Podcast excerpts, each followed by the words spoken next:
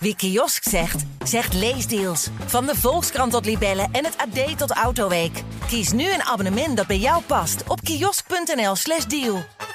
Ja, met alle respect voor jou, Arnoud. Hmm. Daar ga je het niet van winnen. Ik ga natuurlijk in de edit gewoon ga ik Patrick Stewart er echt in knippen en dan lijkt het precies. Ja, space.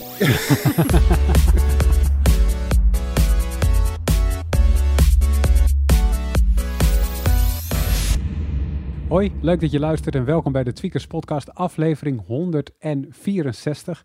Mijn naam is Arnoud en vandaag hebben we aan de digitale virtuele tafel Thijs Hofmans, Hoi. Willem de Moor Hoi. en Jurian Ubachs. Hey, hallo. En eh, ja, ik, ik heb hierop geprobeerd te oefenen, jongens, maar ik weet niet of dit gaat. Komt-ie? Space, the final frontier. Ben ik een beetje Patrick Stewart?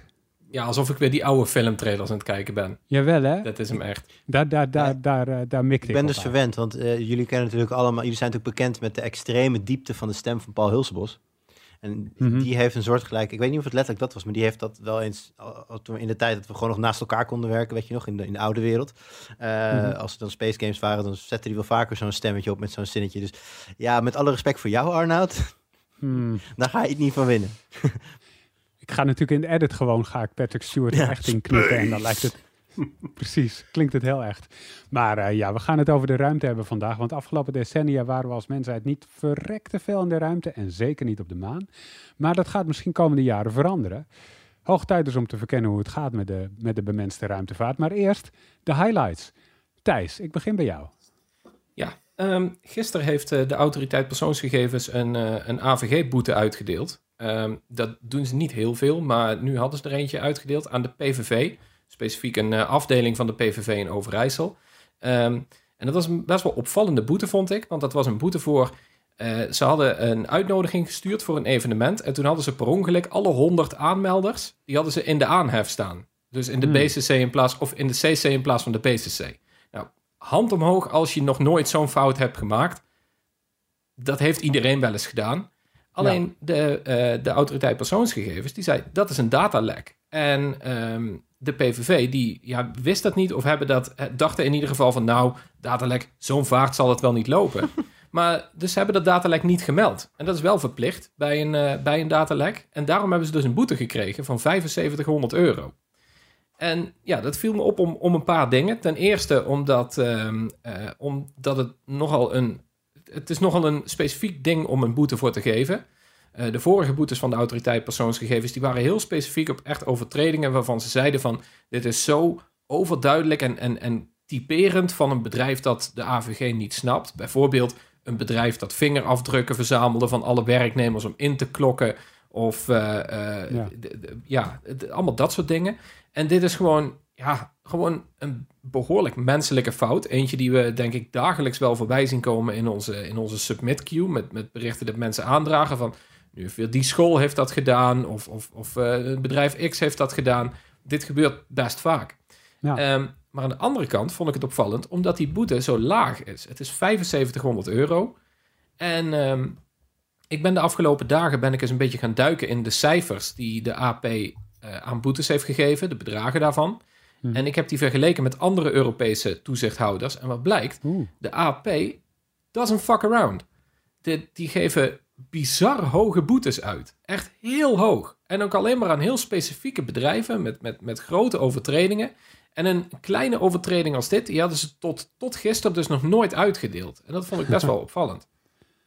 Maar, maar in andere landen zijn ze dan veel kleinere boetes aan het uitdelen. Dus veel boetes, Ja. maar kleinere boetes. Hoe gaat dat? Nou ja, ja eh, eh, of het veel of weinig is, dat, eh, nou ja, daar zit een beetje discrepantie. Of een beetje, dat is een beetje moeilijk om die cijfers te lezen, want sommige boetes worden niet openbaar gemaakt. Maar eh, neem een voorbeeld in België. Daar werd een eh, paar maanden geleden een, eh, een stel beboet. Gewoon twee, een man en een vrouw. Want die hadden een paar beveiligingscamera's aan hun huis gehangen. En die filmden de openbare weg. En dat mocht niet. 1500 euro boete. En Zo. er was een boete in, ik moet heel even spieken, in Hongarije volgens mij. Daar heeft een man 28 euro, of eh, de man die had, eh, heeft een schadevergoeding gekregen van 28 euro van Google. Die zullen daar eh, ongetwijfeld wakker van liggen. En dat- dat, dat zijn zoveel voorbeelden van toezichthouders die geven boetes van 100, 1000 euro misschien, misschien 5000 of zo. En dat, dat is dan veel. Maar gewoon aan, aan particulieren of aan. eh, eh, de- de- ik heb een agent voorbij zien komen die in een dossier had gekeken. En die kreeg daar een boete van 150 euro voor. Het zijn Mhm. allemaal redelijk kleine bedragen. En de autoriteit persoonsgegevens, die strooit gewoon met tonnen. Boetes van tonnen. 400.000, 500.000, 800.000. Dat zijn serieuze bedragen. Ja, maar als het voor een bedrijf is, dan is het toch ook de bedoeling dat het een daadwerkelijk afschrikmiddel is. Anders is het wegen de, de baten op tegen de kosten van zo'n boete. Eh, ja, deels. Maar natuurlijk heeft eh, de AP heeft zich ook wel te houden aan, of toezichthouders hebben zich te houden aan ehm, eh, een boetebreedte. Dus eh, je mag een boete geven tussen dit en dat bedrag. En je kunt dat aan de lage kant kiezen of juist aan de hoge kant. Nou, de AP die kiest dus echt voor, voor echte serieuze bedragen. En maar- ja, ik vind het opvallen. Ja, waarom? Weet je dat? Ehm, dat, dat weet ik niet, maar ik heb volgende week toevallig een gesprek met eh Aleid Wolfsen, de voorzitter van de, eh van de Waakhond. Ehm, en dan wil ik hem ook absoluut dit vragen. Ik heb hem in het verleden wel eens een paar keer gesproken. En toen, toen liet hij al een beetje doorschemeren van... Wij zijn er vooral om inderdaad om, eh, om, eh, om voorbeelden te stellen. En niet zozeer om achter iedere sportclub aan te gaan of iedere slager om de hoek. Dat was toen, toen, toen de AVG inging, was dat echt zo'n ding. Weet je dat nog? Toen was het altijd van... Mhm. Ja, maar de voetbalvereniging die dan eh, de namen van spelers op de website publiceert en zo, dat mag straks niet meer. En de AP heeft toen eigenlijk altijd een beetje gezegd van, nou, wees niet bang dat, weet je, daar gaan we niet echt achteraan. Dat is niet onze prioriteit. En eh, nou ja, ik, ik heb het idee dat het nu misschien een beetje verandert of zo. Maar dat Ja. zou, eh, zou wel, een, wel, een, wel een kentering zijn in het beleid van de afgelopen drie jaar. Hopelijk, en dat is natuurlijk de positieve uitleg, is die afschrikwekkende werking van die hoge boetes zo groot geweest dat ze nu denken, nou, en nu gaan we achter de kleinere dingen aan die eh, kleinere boetes opleveren. Want in het hogere segment hebben we niks meer te zoeken. Alle boetes die we zouden moeten uitdelen hebben we uitgedeeld. Zou dat zo zijn? Ja, nou dat laatste is sowieso niet het geval. Want eh, als je kijkt naar hoeveel achterstanden dat ze hebben bij de privacywaakhond, dat, eh, nou ja, dat loopt in de, in, de, in de duizenden volgens mij. Ja, Maar inderdaad, ik kan me voorstellen dat ze nu hebben laten zien van... oké, we hebben nu even onze tanden laten zien. Nu weet je dat het menens is. En vanaf nu gaan we inderdaad wat... misschien, want dit soort dingen zijn natuurlijk ook wel sneller onderzocht. Dit is gewoon een mailtje sturen naar, naar de PVV... en dan vragen van, heb je dit gedaan? En wat is je reactie daarop? En dan heb je redelijk snel uitgezocht hoe dat, ja, eh, hoe dat zit. Ja, Dus het zou kunnen dat ze daarop overstappen. Maar dat weet ik dus niet, eh, niet helemaal.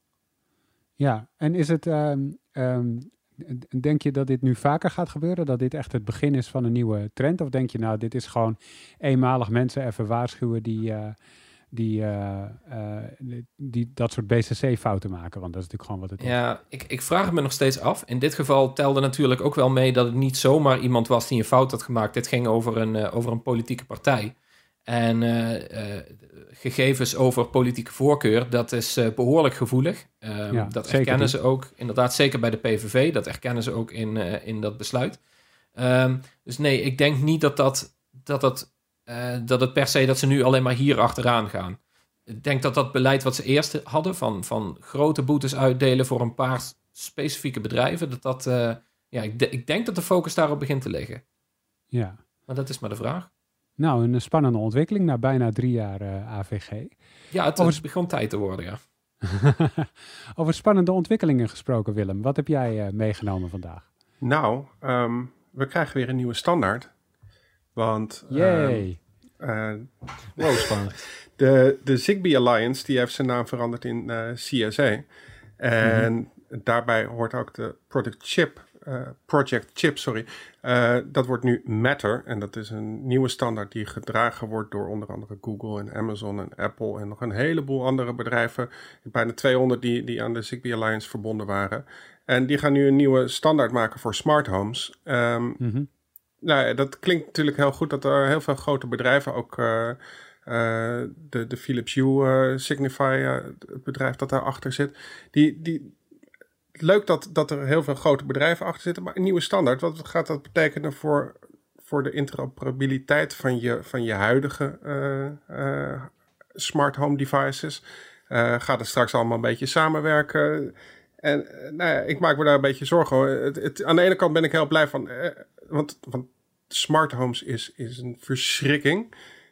qua, qua standaarden. El- Elke, elke fabrikant die, die iets met smart home eh, eh, apparaten doet, die moet zijn eigen ecosysteempje hebben. En die, zijn, Ja. zijn eigen app en zijn eigen, al- alle, alle eigen dingetjes. En nu dus een nieuwe standaard die dan overkoepelend moet gaan werken.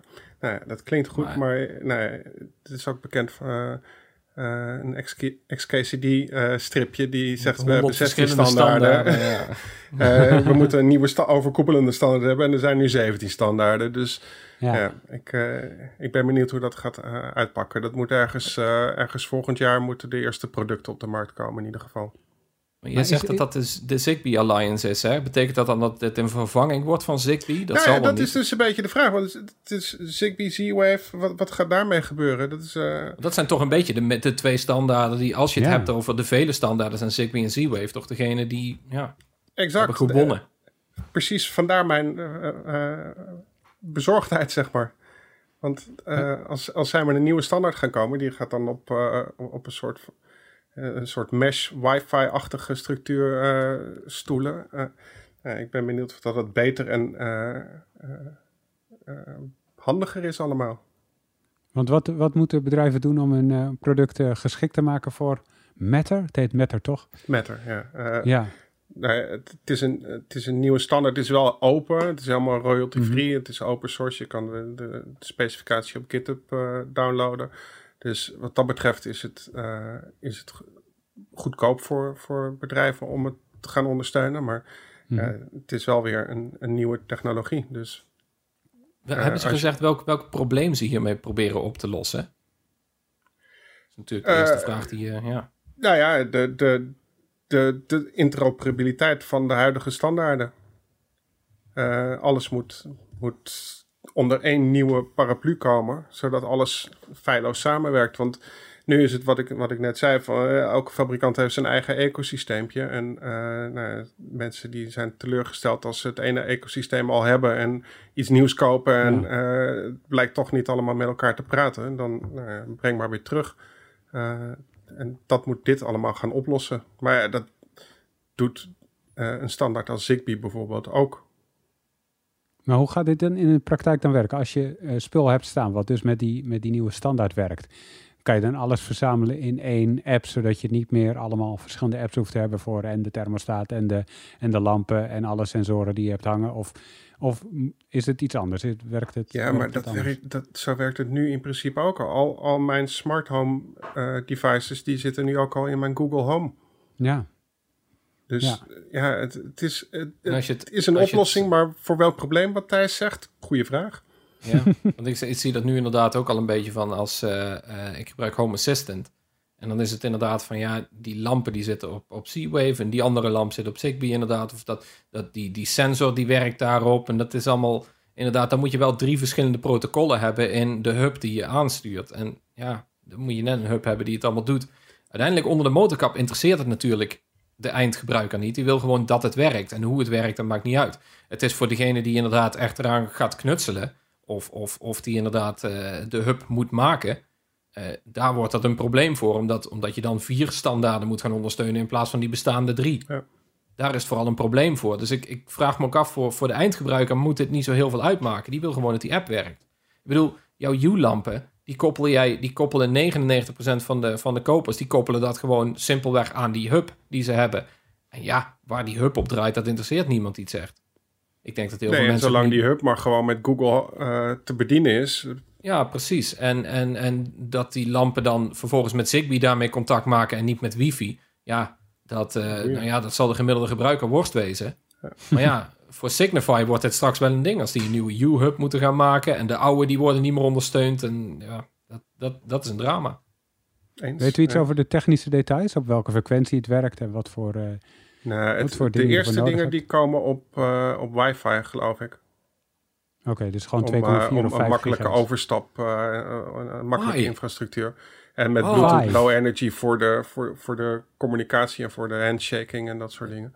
Heb je de kans om een probleem op te lossen en dan ga Nou je ja, gewoon dat is weer dus- terug naar Zigbee is dus 2005. ook nog een stuk zuiniger dan bijvoorbeeld wifi. Ja. Dus de, de apparaten kunnen Ja, dankzij Zigbee kunnen ze in, eh, in- met, met een knoopcelletje gevoed worden. Nou, probeer dat maar eens met een wifi-netwerk. Oh, ik word hier heel zagrijnig van. Eh, is echt- dan Oh. moeten we het binnenkort maar snel over ruimtevaart gaan hebben, want daar word je altijd vrolijk van. Ja. Maar eerst ga ik, eh, ga ik Ja. naar Jur. Ga je naar wie? Oh, Naar toch? Jur. Nee, ik verstond je niet. Ehm, ja, het is natuurlijk de tijd, eh, normaal gesproken eh, half mei, dat eh, Paul en ik hard bezig zijn met het voorbereiden van de E3 Gamesbeurs. Die is er dit jaar niet. Zo Mhm. is de deels online, ehm, veel presentaties. En dat betekent ook dat eh, wij nu al wat, wat de eerste informatie komt naar buiten. We krijgen een beetje een voorproefje van wat voor games getoond gaan worden eh, en wanneer dat allemaal gaat gebeuren. En dan weten we inmiddels bijvoorbeeld dat EA op eh, 22 juli eh, zijn nieuwe line-up gaat laten zien. Met erin uiteraard een nieuwe FIFA en Mhm. ook een nieuwe Battlefield. En mijn highlight slaat hier eigenlijk om in een beetje een lowlight. Beetje ook niet, maar ehm, ja, in, een, in, een, in een call heeft eh, de CEO van Electronic Arts aangegeven dat de nieuwe Battlefield ook eh, gewoon op de oude generatie consoles zal verschijnen. Dus niet alleen maar op de PlayStation 5 en de Xbox eh, Series eh, S en X, maar dus ook op de oude Xboxen. Nou is dat sowieso daar eh, onderdeel van Microsoft's eco- ecosysteem, dus dat zou misschien sowieso wel altijd al gebeuren. Maar goed, PlayStation 4, PlayStation 5, daar geldt dat natuurlijk eigenlijk niet voor, maar gaan ze wel voor. En dat betekent dus ehm, dat uiteindelijk de volledige potentie van die machines nog steeds niet helemaal eh, unlocked kan worden. Al zullen zij dat zelf altijd tegenspreken natuurlijk. Want ze kunnen zo goed schalen tegenwoordig. En het is, heeft allemaal, is allemaal niet erg. Maar het is wel erg. eh, Zo'n game zou gewoon beter zijn als je gewoon, als je gewoon strak mag uitgaan van de modernere hardware. En niet hoeft te kijken naar de inmiddels inferieure hardware. Dat voor een deel eh, op de markt werd gebracht in 2013. Eh, dus dat is in die zin een lowlight voor, voor Battlefield. Want het tempert natuurlijk de verwachtingen rond die game een klein beetje. Tegelijkertijd zitten we natuurlijk in, een, eh, in de grootste eh, chipcrisis die we ooit hebben meegemaakt, denk ik. En is de harde realiteit dat tegen de tijd dat Battlefield straks in... Nou ja, natuurlijk nog niet aangekondigd, er is nog geen datum, maar laten we even zeggen oktober, november. Dat is een vrij veilige gok voor zo'n game. Mhm. Ja, de kans is heel groot dat er een heleboel mensen zijn die heel graag een nieuwe console willen hebben. En hem dan ook nog steeds niet gekocht eh, eh, kunnen hebben. Omdat die gewoon dan nog steeds niet is aan te slepen. Of niet voldoende in ieder geval. Dus ja, in die zin snap ik de keuze wel. Eh, denk ik ook niet dat je er heel veel kritiek op kunt hebben. Wat ik zeg, omdat je toch ook wel die mensen dan de kans zou willen geven om, om Battlefield te spelen. Maar ja, zeker voor de mensen die al wel zo'n nieuwe machine hebben, eh, is, het best wel, is dit best wel eh, jammer. Ik hoop, er, er komt altijd een moment dat, de- dat de oude generatie wordt losgelaten. En dan zie je altijd een, een, sprongetje in de kwaliteit van games. Dat is ook de hele reden. Dat, eh, we zeggen altijd, games worden beter naarmate een console langer uit is. Tegen het einde van de, van de levensduur komen de beste games. Dat heeft mede te maken dat op een gegeven moment die oude eh, generatie niet meer ondersteund hoeft te worden. Dus hoe langer dat moment duurt, hoe langer die step-up ook gaat duren. Weet je, nog hoe lang dat ongeveer bij de PlayStation 4 was ten opzichte van de 3? Zou je dat, zou je dat, kun je die situaties vergelijken met elkaar? Ehm, ja, in zekere zin wel, denk ik. Maar dat ging volgens mij vrij snel. Maar dat komt ook... ehm, de PlayStation 3 had een hele afwijkende eh, eh, structuur als het gaat om... Volgens mij was dat de celprocessor. Ja. En eh, tegenwoordig zijn de, beide consoles lijken veel meer op een PC dan consoles ooit gedaan hebben. Dus in die zin klopt het wel ook als ze zeggen van hè, we maken een PC-game en die kun je inderdaad ook spelen op zijn minimum specs of op zijn maximum specs. En dat is daadwerkelijk een groot verschil.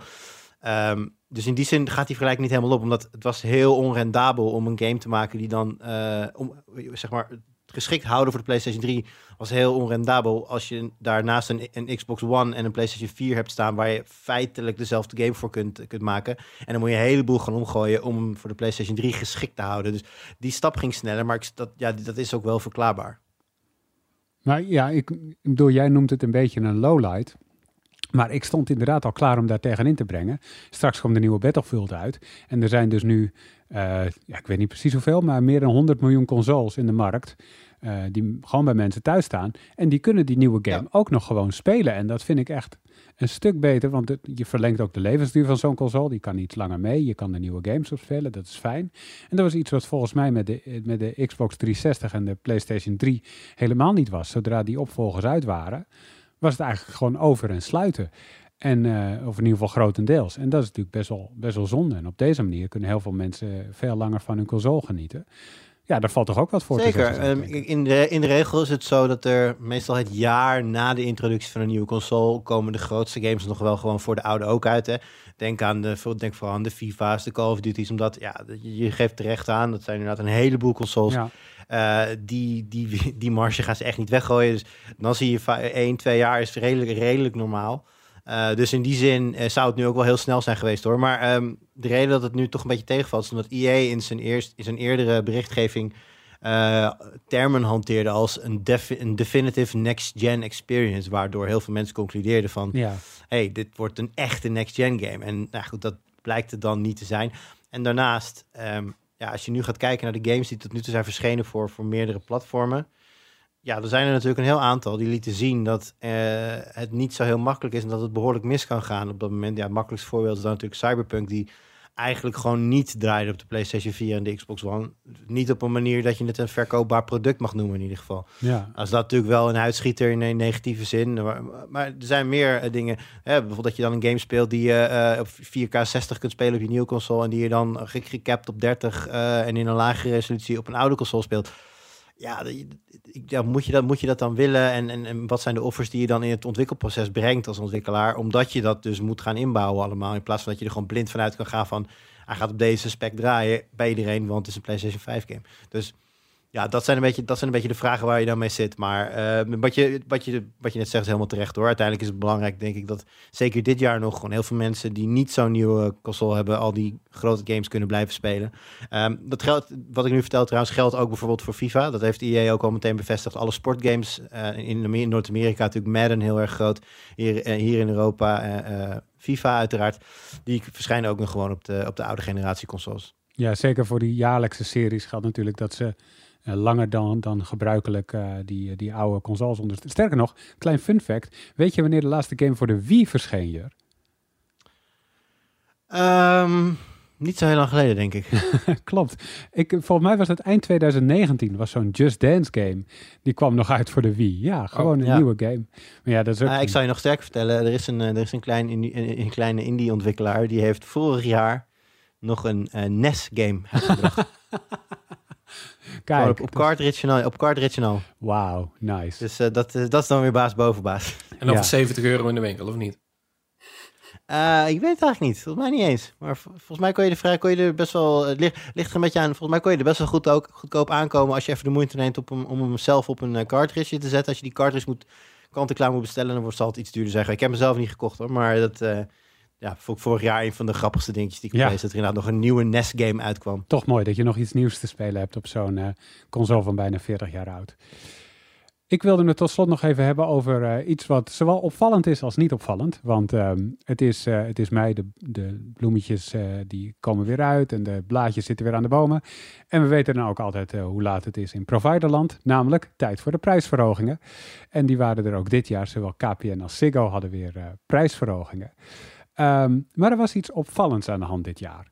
En, ehm, en dat zat bij de, bij de duurste, nee niet, bij de abonnementen met de hoogste internetsnelheden. Namelijk 1 gigabit is dat bij zowel Ziggo als KPN. En eh, bij beide providers zijn dus die abonnementen niet duurder geworden. Sterker nog, die zijn iets goedkoper geworden.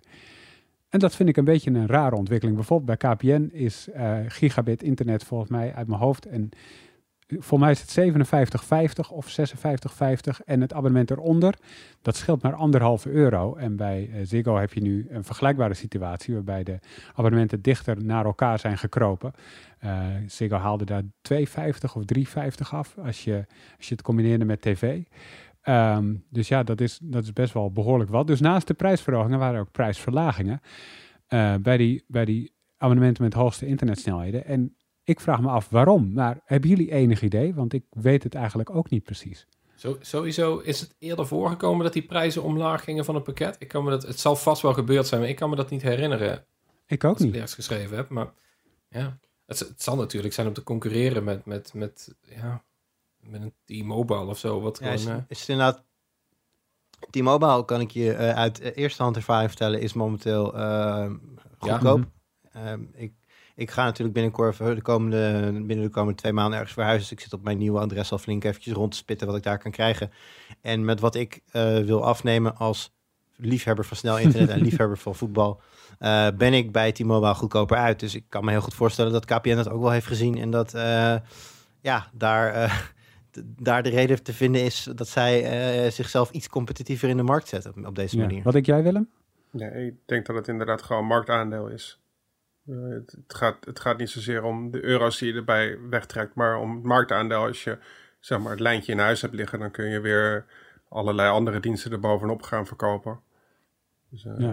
die, je- die combi-deals natuurlijk wel, eh wel Ja. een ding, ja. ja. Ja, Nou ja, dat is dus heel grappig, want daarin, eh, eh, daar schrok ik een beetje van.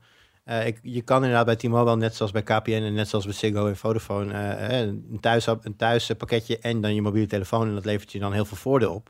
En met name daar neemt T-Mo- T-Mobile echt een, behoorlijke voorsprong. Ik heb het nog niet tot op detail uitgerekend, maar als ik met mijn, zowel mijn telefoon als mijn thuissituatie overstap naar T-Mobile, dan kan ik rond de 30 tot 40 euro per maand gaan besparen. dat is behoorlijk wat. En dat is Oh, echt dat wel een flink ja. Dat is omdat mijn, mijn huidige abonnement, ik, je kan min of meer mijn huidige mobiele abonnement wegstrepen, omdat het dan in mijn totaalabonnement gaat vallen bij T-Mobile. En dat blijft dan al met al alles bij elkaar ruim onder de 100 euro, waar ik nu er dan boven zit met alles wat ik van KPN heb. Dat is best wel een groot verschil. Dus dat zij dan inderdaad iets aan die prijzen doen, dat eh, verbaast Ja. mij niet zo heel erg. Ja, wat ik ook nog kon verzinnen is dat er een soort van ehm, markt is ontstaan voor gigabit internet. Wat natuurlijk niet een markt is waar, waar superveel mensen in zitten, maar die kennelijk wel concurrerender is dan de rest. Waardoor het die prijzen bij Ziggo en KPN omlaag duwt. Kennelijk zijn, eh, zijn eh, die aanbieders niet zo aantrekkelijk. Het is natuurlijk wel goed te vermelden dat bij KPN gaat het om glasvezel, bij Ziggo gaat het om kabel. Dus dan heb je een upload van eh, 50 mbit bij je gigabit internet. Maar toch, dan kan je heel snel eh, eh, eh, eh, allemaal dingen binnenhengelen als je op je PlayStation 5 een hele grote update krijgt bijvoorbeeld. Ik, ik vraag me dus af of, dat, of, of, dat, of het woord gigabit psychologisch nog heel veel doet met kopers. Want eh, voor, voor, voor heel veel dingen die je doet, heb jij aan 500 mbit natuurlijk ook wel genoeg. En ik, zel- zelfs nu thuiswerken natuurlijk en met videostreams, eh, 500 mbit is ook genoeg. Maar het feit dat je weet van het is gigabit, dan denk je al van, oh, dat moet ik hebben. En dan betaal ik dan wel iets meer voor of zo, en dan, dan wil ik liever dat. Ik vraag me af hoe, in hoeverre dat Dan- meespeelt voor gemiddelde gebruikers of kopers. Maar het- je moet het zo zien. Tijdens wij komen samen op verjaardag en jij zegt tegen mij, ah, ik heb thuis 500. En dan zeg ik, oh, dat is schattig. Ja, ik, Ik zou heb dat- gigabit. Ik heb, de, ik heb 1000 mbit, zo u ik- wilt. toen, ik, toen wij nog op die redactie Dus zaten, Het enige juiste, al- t- toen wij, het enige juiste antwoord, eh, Thijs, dat er is op hoeveel, hoe, hoe snel moet je internet zijn, is ja, sneller. dat is wel waar, maar Dus- ik weet nog dat ik toen ik op de redactie nog, toen we elkaar nog fysiek zagen, dat ik jullie dagelijks ervan wijs maak of eh, vertelde dat ik gigabit had voor 25 euro per maand en jullie allemaal jaloers waren. Dat weet Ja, ik dat nog is wel waar. Ja. Klopt, ja. Maar ik woon momenteel dus nog in Amsterdam in een flat waar ik eh, alleen maar koper van KPN kan krijgen. Dus momenteel kunnen jullie me allemaal gek maken waarschijnlijk. Maar Maar niet Arno, lang denk je ook niet dat, dat het is omdat juist gigabit nu een soort van eh, groeimarkt en eh, een soort van concurrentiemarkt is, dat het nu zaak is om zoveel mogelijk mensen binnen te hengelen. Ja. En straks kun je, kun je naar believen zeg maar je, je prijzen gaan verhogen of in ieder geval er wat meer mee gaan spelen ook. Ja. En ik denk ook dat je gelijk hebt dat wat zij graag willen is dat je niet alleen gigabit internet neemt en niet ook alleen een mobiele telefoonabonnement bij hun, maar ook tv, wat natuurlijk wat geen groeimarkt is, want er zijn gewoon veel mensen die langzaamaan tot de conclusie komen dat ze dat tv-pakket niet echt nodig hebben. Ehm, en dat zie je een klein beetje ook terug in de cijfers. Die digitale tv die had eerst een hele grote stijging jarenlang. Dat is, dat is er niet meer.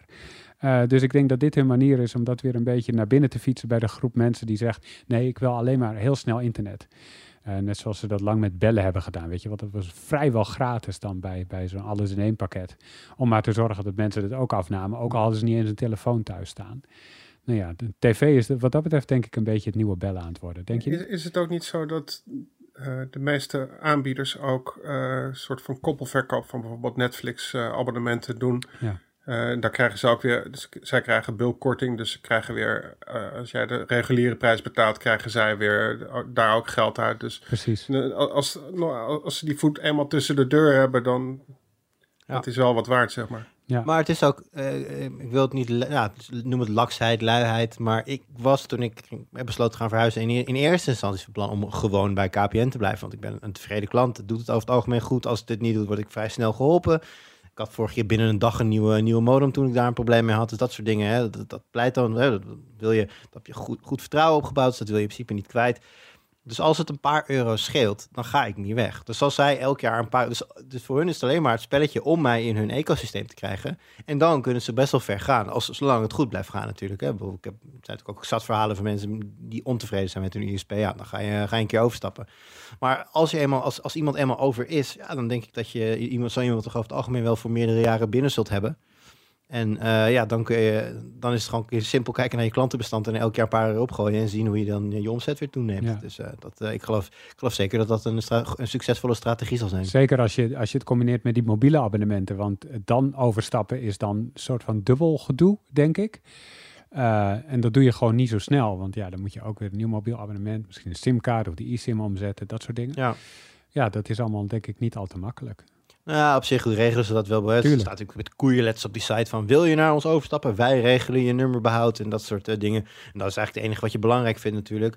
Eh, en de vraag eh, in de wijk waar ik ga wonen... hoe is het ontvangst op, het, op het netwerk van mijn nieuwe provider? Want er zijn natuurlijk best plekken in Nederland te verzinnen... waar je met KPN geen probleem hebt... en waar je met Vodafone onbereikbaar Ja. bent. Dus, dus dat, dat is... misschien is dat nog wel het belangrijkste... maar daarna toch al heel snel je nummer, denk ik. Ja, dus, ook. ja. Yes. Nou, dan eh, sluiten we de highlights af en dan gaan we naar het hoofdonderwerp. Eh, we gaan naar de maan, eh, Thijs. Oh, Was maar Toch? waar. Ja, jij en ik niet, maar we wel. Ehm, ja, het, het idee is inderdaad dat, nou ja, dat hele flinke slag om de arm, dat we, wat was het, 2024 volgens mij, de, eerste, de eerste reis naar de maan hebben. Dat is volgens Oeh. mij nog steeds de officiële NASA-planning.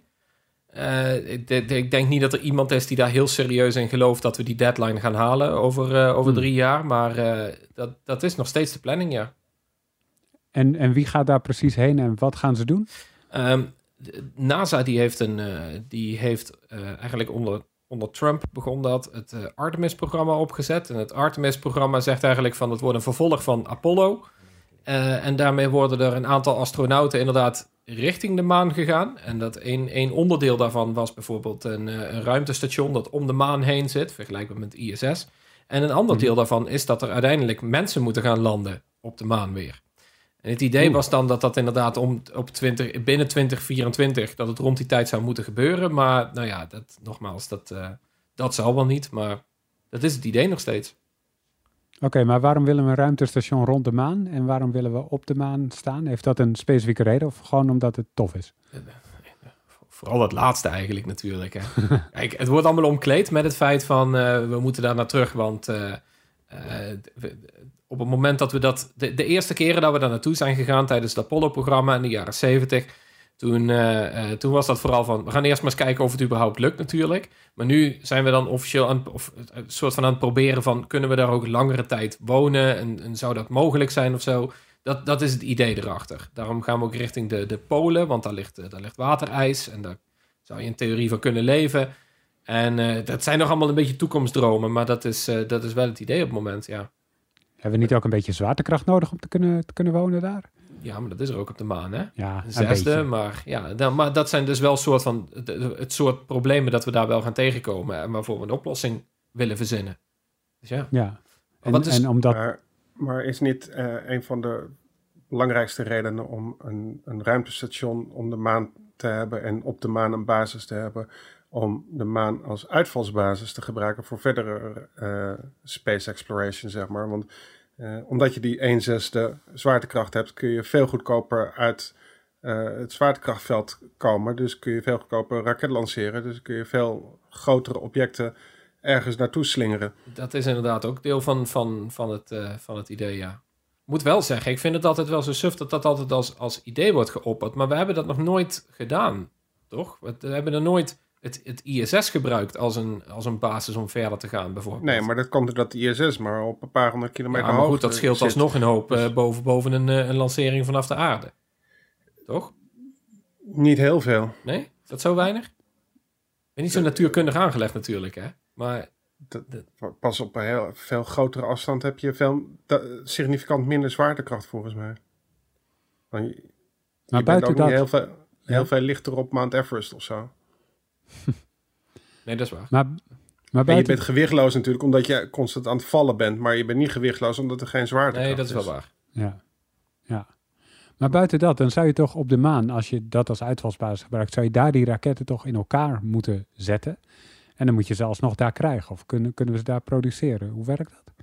Dan, dan moet je daar gaan, gaan bouwen. Sowieso, brandstof is, is een van de, van de zwaarste of lastigste componenten van, van Ja. een raket. En als je dat eh, ter plaatse kunt, eh, kunt produceren, dan ben je natuurlijk spekkoper. Ja. Maar dat is dan weer lastig, want er zal weinig fossiele brandstoffen als we die nodig hebben daar in de maan zitten. Ik weet niet Nee, hoe- maar hoe wel elementen eh, Mhm. die je kunt verbranden. Zo. Ja. Maar inderdaad, Hey, en, en nu had je het over NASA, Thijs, die naar de maan gaat. Maar klopt het dat SpaceX ook naar de maan gaat? Ja, ik, ik, ik noem het inderdaad NASA, maar eigenlijk eh, kun, je, kun je dat niet loszien van SpaceX nu. Ehm, want SpaceX die heeft nou onlangs, dat is ook al een tijdje geleden, maar die hebben onlangs een, eh, een, eh, een opdracht gekregen van NASA om dan maar de lander daarvoor te gaan bouwen. En eh, het- ik weet niet of het een raket ook is, dat, dat weet ik eigenlijk niet. Weet jij dat Willem? Gaan ze dan met een Ja. Falcon of een eh, Starship? Wilden ze niet SLS gaan gebruiken? eh, Ja, dat is het idee in erachter, In hè? in een, Amerika, die, ideale oké, wereld. Amerika die bouwt dus een, eh, een eigen raket. eh, de Space Launch System. Daar zijn ze al, eh, Mhm. al, al, al tien jaar mee bezig. Misschien wel vijftien. En dat ding is inmiddels hopeloos achterhaald door wat SpaceX doet. Onder andere. Door wat SpaceX met die markt aan het doen is. Die SLS, die is die raket van Amerika zelf, van NASA zelf. Die is ontzettend duur. En, en, en ook om te lanceren heel duur. En SpaceX kan dat allemaal goedkoper. En hetzelfde geldt eigenlijk voor een maanlander. Dus wat NASA dan eigenlijk zegt, is hetzelfde als wat ze nu al een paar jaar doen met SpaceX als het gaat om vrachten naar het ISS brengen. En tegenwoordig ook mensen dus. Zeggen ze eigenlijk van, weet je, het is veel goedkoper om gewoon SpaceX een smak geld te geven. En te zeggen, weet je, fixen jullie het maar. Hier heb je geld, ga maar ontwikkelen. En dat is dus wat er nu gebeurt. Dus SpaceX gaat die hardware ontwikkelen om naar de maan toe te gaan straks. Met het idee er ook achter overigens dat op het moment dat dat helemaal, eenmaal loopt, dat SpaceX dan kan zeggen van, hey Arnoud, eh, heb jij nog een paar, eh, paar honderdduizend euro liggen? Want dan kun je ook mee. Gewoon buiten NASA om, als je wil. Dogecoin gaan ze hem vragen. Ja, dat is het. Ja. Maar, Maar- Maar even in alle eerlijkheid, want eh, SpaceX is niet de enige die enorme kruiwagens met geld eh toegeschoven Nee, dat krijgt. Want het is ook Bo- eh, Boeing, Boeing die, eh, die, die dat geld deelt. En dat- gaat om, ik geloof de laatste aanbesteding was eh, iets, iets van 4 miljard of zo. Dus het, eh, het, is geen... ja, SpaceX krijgt inderdaad ook 3 miljard dollar volgens mij, of 2,8 of zo. Gewoon, gewoon hoge bedragen, echt veel. Ja. En Maar zijn er nog meer opties? Want Boeing heb je dus, SpaceX. Maar zijn er nog meer bedrijven die dit zouden kunnen? om, om naar de maan te gaan, nee, niet realistisch. Ik bedoel, ja, weet je, er zijn vast wel wat bedrijven die als je er maar genoeg geld in pompt, dat ze over uiteindelijk op den duur wel met iets aan kunnen komen. Ehm dat wordt ook wel gedaan met, eh, met, eh, eh, met de, de, de landing van een paar sondes. Die zijn, daar is wel een aanbesteding voor gedaan met wetenschappelijke instrumenten erop. Maar dat zijn relatief kleine en, ja, ik zeg het even tussen haakjes, maar simpele landers. Er zijn genoeg bedrijven die dat wel kunnen maken op den duur. Maar echt mensenlanden, Mhm. dat is wel echt andere koek. En SpaceX is eigenlijk de enige die dat realistisch gezien, gezien kan. Ja. Heel misschien Boeing in de toekomst ook nog, maar dat is ook echt, dat is nog wel ver weg. ja. Maar wat doet SpaceX nog meer met, eh, met bemenste, ruimte, bera- bemenste ruimtevaart? Is er, zijn er al meer missies met eh, Ja, mensen in de planning? ja wat, kijk, wat, wat SpaceX dus doet, die begonnen eigenlijk met die, eh, die Dragon-capsule. En daar kregen ze een smak geld voor om die te ontwikkelen. En die bracht eerst vrachten naar het ISS. En toen op een gegeven moment heeft NASA gezegd van, nou, hier heb je nog een paar miljard. En dan gaan we maar ombouwen dat we er ook mensen mee kunnen lanceren. En eh, dat is nu gebeurd. En ja, Willem, jij hebt in de, in de show, of in dat, in dat document gezet, inmiddels acht lanceringen geweest. Maar volgens mij klopt dat niet. Ik dacht Nee, dat nee, er nee, drie niet, waren. niet, niet van SpaceX, eh, maar van, eh, met een Soyuz zijn er, eh, er zijn acht eh, eh, ruimtetoeristen naar het ISS ge- gestuurd Oh ja. Oh. geweest eh, aan zijn- boord van een ja, Soyuz-capsule. het zijn gewoon rijke stinkers die bij Rusland hebben aangeklopt. Precies, die, die hebben, ik geloof, minimaal 20 en maximaal over de 50 miljoen Ja. betaald om, om daar te komen. Ja. En dan zijn ze daar eh, een week of twee weken in het ISS geweest. Ja, Maar die, die Soyuz is natuurlijk de grootste reden waarom NASA eh, al, dat geld aan SpaceX of aan Boeing eh, geeft. Omdat ze niet afhankelijk willen zijn van Russische raketten, Russische capsules om Ja. eh, Amerikanen naar het ISS te krijgen. En je ziet ook inderdaad dat, want ze hebben dus eerst geprobeerd om toen de Space Shuttle een beetje ten einde was, toen zeiden ze van nou, dan gaan we die raket bouwen, die, die Space Launch System, inclusief een eigen capsule, eh, de Orion-capsule. En dan kunnen we het daarmee zelf weer helemaal doen. Maar dat begint dus zo uit de klauwen te lopen dat een lancering met zo'n Amerikaanse capsule, die is gewoon veel te duur aan het worden. Dus dat is echt gewoon, ja, dat is helemaal niet de moeite waard. En het, het 2,8 miljard is relatief veel geld. Of dat is best veel geld. Ik heb het niet liggen. Maar voor Niet. NASA is het niet zo heel veel. Ja. Daar valt het best wel mee om zo'n ding helemaal te ontwikkelen. En er zijn ook wel Ja. andere bedrijven die dat, die dat nu proberen. Hè? Boeing die heeft de, de Starliner-capsule. Die, eh, die, eh, die heeft eh, eh, inmiddels de eerste lanceringen wel gehad. De eerste testvluchten, maar die gingen niet helemaal goed. De testvlucht die ging, eh, die ging mis. Dat ding dat kwam in een verkeerde baan terecht. En nu zijn ze opnieuw aan het testen. Maar die zijn daar wel mee bezig en bijna klaar. Ehm, er is een ander bedrijf, Sierra Nevada Corp. Die hebben een soort een mini space shuttle waarmee ze dat gaan doen in de toekomst. En dan kunnen ze allemaal naar het ISS toe. Dus dat, er zit echt wel veel in dat, dat, dat commerciële bedrijven dat helemaal aan het overnemen zijn. En dat doet NASA uiteindelijk helemaal niks meer, niks meer zelf op dat gebied. Eh, op dat gebied hoeven ze niet meer zoveel te doen. Eh, maar zij kunnen dan verder gaan kijken. Want er blijft gewoon veel meer geld over voor de dingen die voor, voor een commercieel bedrijf gewoon echt niet interessant zijn. Want eh, kijk, SpaceX heeft het de hele tijd over we willen naar Mars. Maar SpaceX vertelt niet hoe ze, dan, hoe ze dat willen financieren. Of tenminste, Mhm. dat, dat zeg ik verkeerd, want Elon Musk heeft wel genoeg geld om dat te doen natuurlijk. Maar ze vertellen niet van wat het, wat, waarom je dat zou willen. Want er is daar niks Ja. te halen, er is daar niks te verdienen. Dus je kunt er wel naartoe, maar ja, dat is echt een taak dat, dat zou een, een instantie zoals NASA moeten doen. Ja. Hey, en, en, en een verhaal wat een tijdje geleden speelde was die Japanse miljardair die, die mensen zocht om mee te gaan naar de maan. Ja, mensen, Eh, hoe- vrouwen, hè? Oh, vrouw. Ah, was een heel Vertel, hoe zat het ook alweer? Ja, dat was een heel shady verhaal. Er was een, was, een, hoofd, was een Japanse miljardair. Ik weet niet meer precies hoe die heet. Hij was, ja, ik, ik- maar die, die zei toen van, eh, eh, die ging dus ook naar SpaceX toe. En die zei van, joh, jullie zijn met die capsule bezig. Eh, die kan straks naar de maan. Ik wil dat ook wel. Ik wil daar ook naartoe. En die heeft dus gewoon SpaceX ook een smak geld gegeven om dan uiteindelijk naar de maan te gaan. En aanvankelijk was zijn plan, en dat vond ik, dat vond ik zo naar. Dit zei hij van, ja, ik ga wetenschappers meenemen en, en, en eh, dichters en kunstenaars. En, want dan kunnen ze de maan zien. En toen even later, toen werd het een verhaal van, ja trouwens, ik zoek een, eh, een, eh, een single vrouw die met mij meegaat. En dat was zo fucking shady. Yes. Dat, Cringeworthy. ja, best wel, ja. Ik, heb, ik weet ook niet wat de middelste status daarvan is nu op dit moment. Volgens mij staat die vlucht nog wel gepland, maar ik heb er al lang niks meer van gehoord. De duurste date ooit wordt dat dan, denk ik. Ja, precies, ja.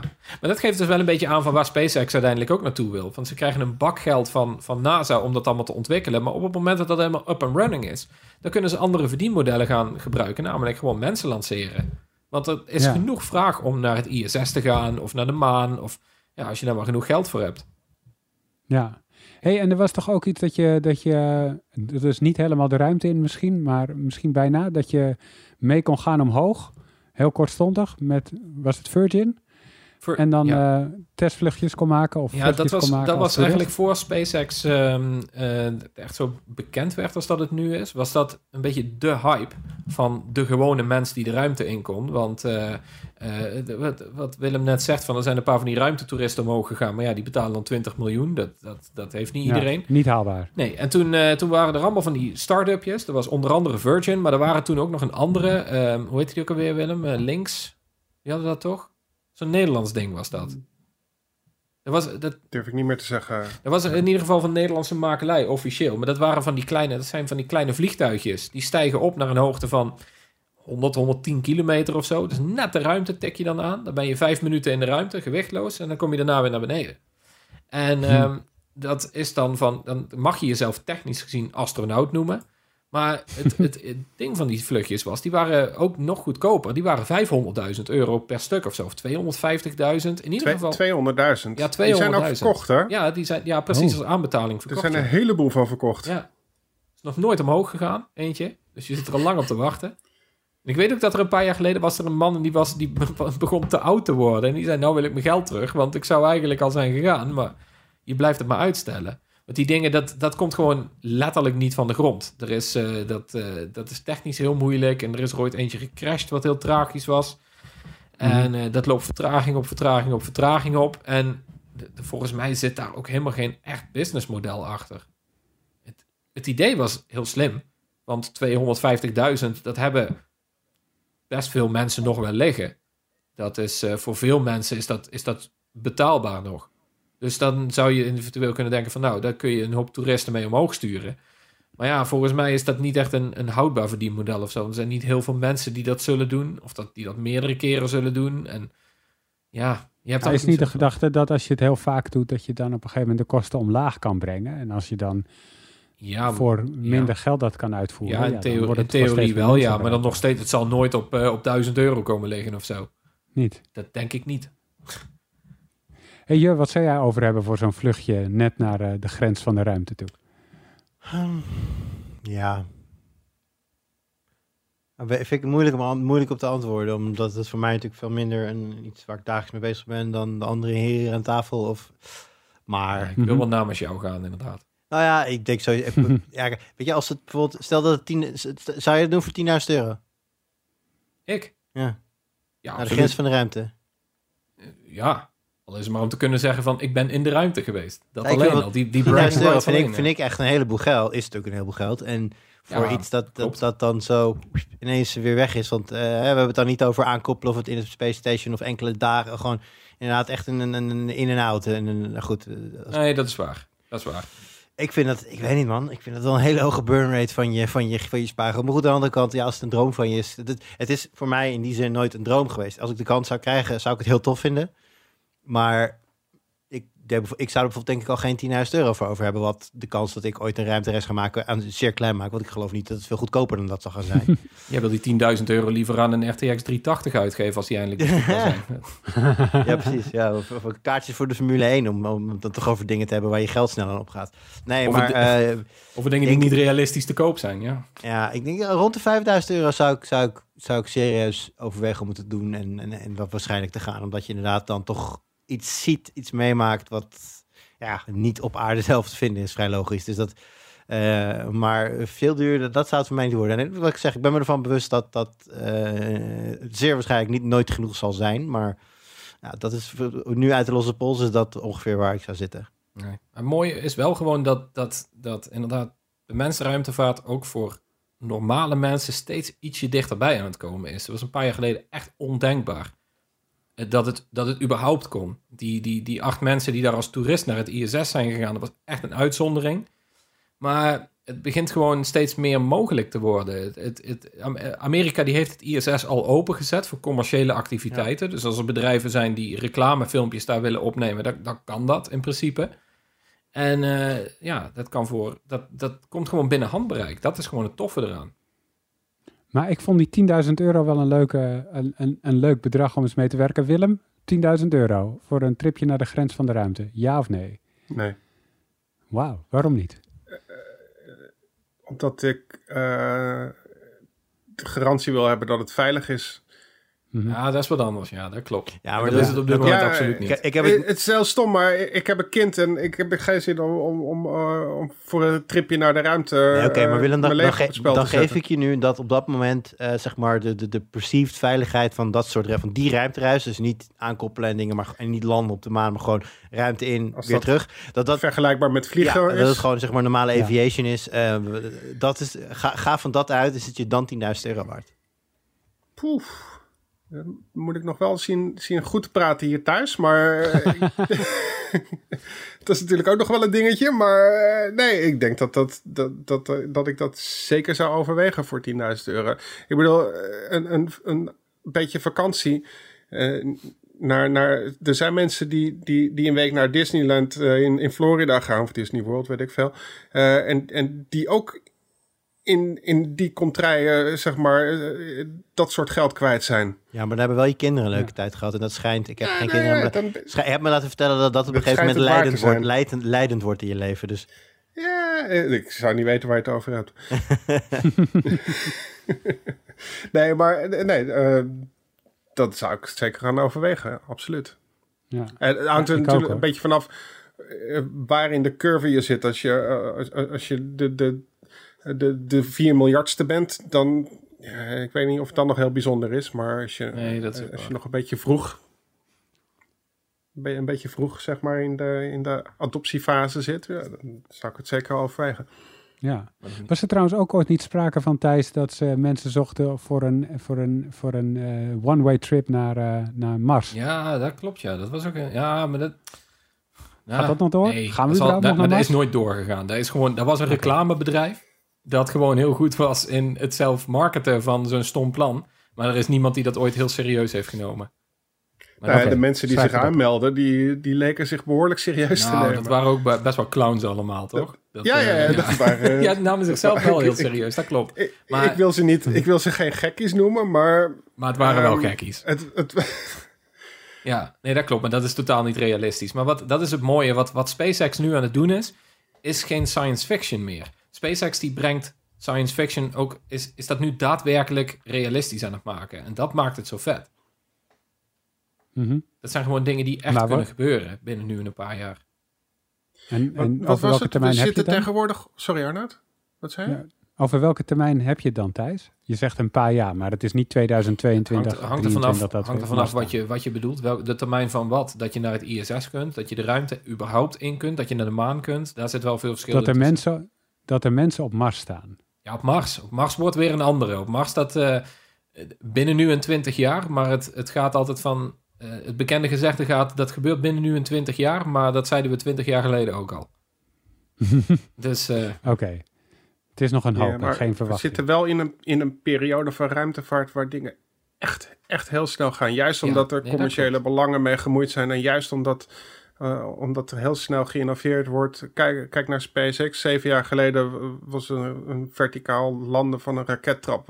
ja, was, was een utopie. En, en tegenwoordig is het eh, met z'n tweeën tegelijk. en, en, en is, het, is het gewoon routine. Dus maar dit, dit geeft er Ja. inderdaad een beetje aan van. Ze lijken hem echt een beetje de sweet spot te hebben gevonden als het gaat over bemenste ruimtevaart. Van ehm, eh, veel investeringen vanuit, vanuit de overheid. Eh, de eerste smakgeld die komt vanuit de overheid. En dan kan de industrie het daadwerkelijk overnemen om het zelf veel goedkoper te doen en met een verdienmodel erachter. En dat, dat werkt in de ruimtevaart ontzettend goed. Ja. Hey Willem, jij zei als we het over ruimtevaart gaan hebben, dan is er één onderwerp waar we het ook nog eventjes over moeten hebben en dat is ruimtepuin. Eh, wat is het probleem daarmee? Nou, ehm, het is een rommeltje in de ruimte, komt het eigenlijk op neer. Want eh, ehm, mensen ruimen niet graag achter zich op, want dat kost weer geld. Als je een mooie satelliet hebt gehad en eh, eh, die doet het niet meer, eh, dan is het soms te duur om, om er iets aan te doen.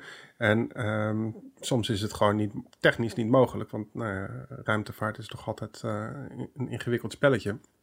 Mhm. En nou, alles wat er rondslingert, dat slingert met enorm hoge snelheid rond. Dus als er een keertje iets tegen elkaar komt, of er komt een, een meteorietje eh, of, of, of iets anders tegen, dan heb je binnen de kortste keren een, een hele wolk van, eh, van minuscule of, of grotere kogels die met 27.000 km per uur rond de aarde scheren. En als die weer iets raken, dan maken ze weer meer brokstukken.